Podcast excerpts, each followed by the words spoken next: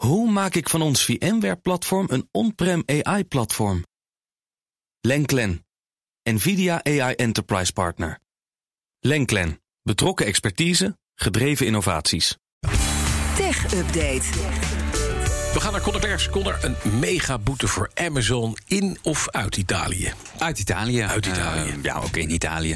Uh, de concurrentiewaakhond in Italië legt Amazon een boete op van 1,13 miljard euro wegens uh, machtsmisbruik.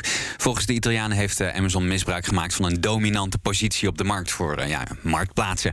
Ja. Um, specifiek op logistiek gebied. En ik lees daar dus in dat Amazon hun eigen logistieke dienstverlening voor heeft getrokken. Mm -hmm. De waakhond in Italië heeft ook stappen aangekondigd om Amazon naast de boete ook tot wijzigingen in het beleid te dwingen. Veel meer kan ik je nog niet vertellen, want het komt net binnen. Dan even kort naar de nieuws, nieuws laatste nieuws uit de slepende zaak tussen Epic Games en Apple.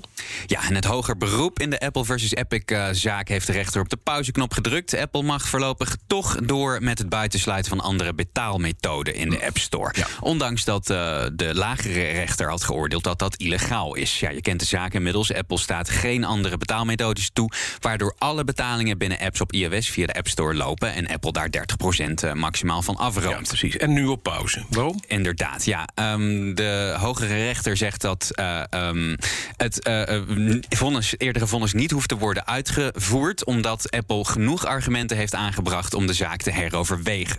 Apple claimt dat externe betaalsystemen een risico vormen voor zowel de privacy als de veiligheid van ja. gebruikers. En dan naar Apple zelf gaat niet slecht, hè? lezen we bij Reuters. Nee, het gaat krankzinnig goed uh, bij Apple financieel uh, gezien. Een market cap van 3 biljoen dollar. En dat zeg ik niet verkeerd, dat is biljoen in het Engels. Uh, dus, 3000 miljard. Inderdaad, die is Hallo. in zicht. Een jaar geleden was het nog enorm nieuws dat ze de 2 biljoen dollar gingen aantikken. Maar als dit zo doorgaat, ze hebben uit mijn hoofd nog 7 dollar op het aandeel nodig.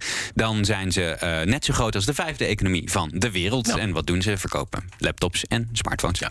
Nou, het is, een, het is eigenlijk een geloofsgemeenschap. Ja, zo ongeveer wel.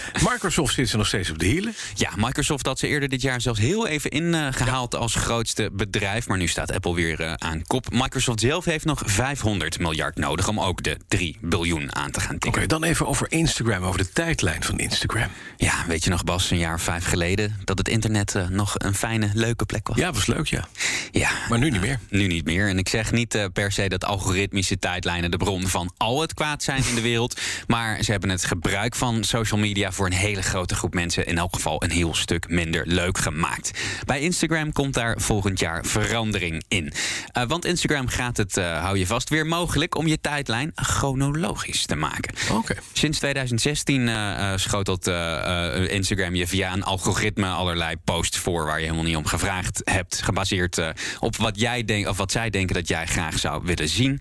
En volgend jaar krijg je eindelijk weer de optie om die helse wijziging terug te draaien. Oké, okay, en waarom juist nu? Heeft vast te maken met Francis Hogan, hè? Die, Absoluut. Ja, dacht ik al. Ja, Adam Mosseri, dat is de CEO van Instagram, die moest gisteren getuigen in de Senaat.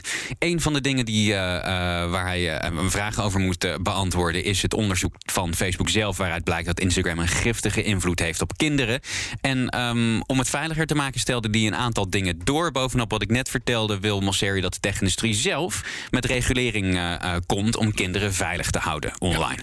Zijn ze in de Senaat niet bepaald van onder de indruk. Uh, volgens senatoren daar uh, is de tijd voor zelfregulering allang voorbij. Oké, okay, dan nog even kort naar Amsterdammers met een smalle portemonnee kunnen bijna gratis een laptop afhalen. Waar en wat moet je daarvoor doen? Er komt een uh, cyberbank, een soort voedselbank, maar dan voor laptops. Ja. die opent Amsterdam morgen. Um, inwoners met een laag inkomen en die ook een stadspas hebben, dat is een soort gemeentelijke kortingspas, die kunnen voor 20 euro een laptop afhalen. En die 20 euro is een soort statiegeld. Die krijg je dus ook terug mocht je die laptop ooit weer inleveren. Maar dat hoeft niet. Je mag hem ook gewoon houden. Oké, okay, en hoe komen ze aan die laptops die worden gedoneerd? Ja, door uh, bedrijven en particulieren. En de gemeente gaat zelf ook een aantal laptops voor hun rekening uh, hm. nemen. Het gaat om gebruikte, maar ook om nieuwe laptops. En die gebruikte laptops die worden opgeknapt door jongeren met een afstand tot de arbeidsmarkt. Oké, okay, dankjewel. Conor Klerks. De BNR Tech Update wordt mede mogelijk gemaakt door Lenklen. Lenklen. Betrokken expertise, gedreven resultaat. Hoe maak ik van ons VMware-platform een on-prem AI-platform? Lenklen, NVIDIA AI Enterprise Partner. Lenklen, betrokken expertise, gedreven innovaties.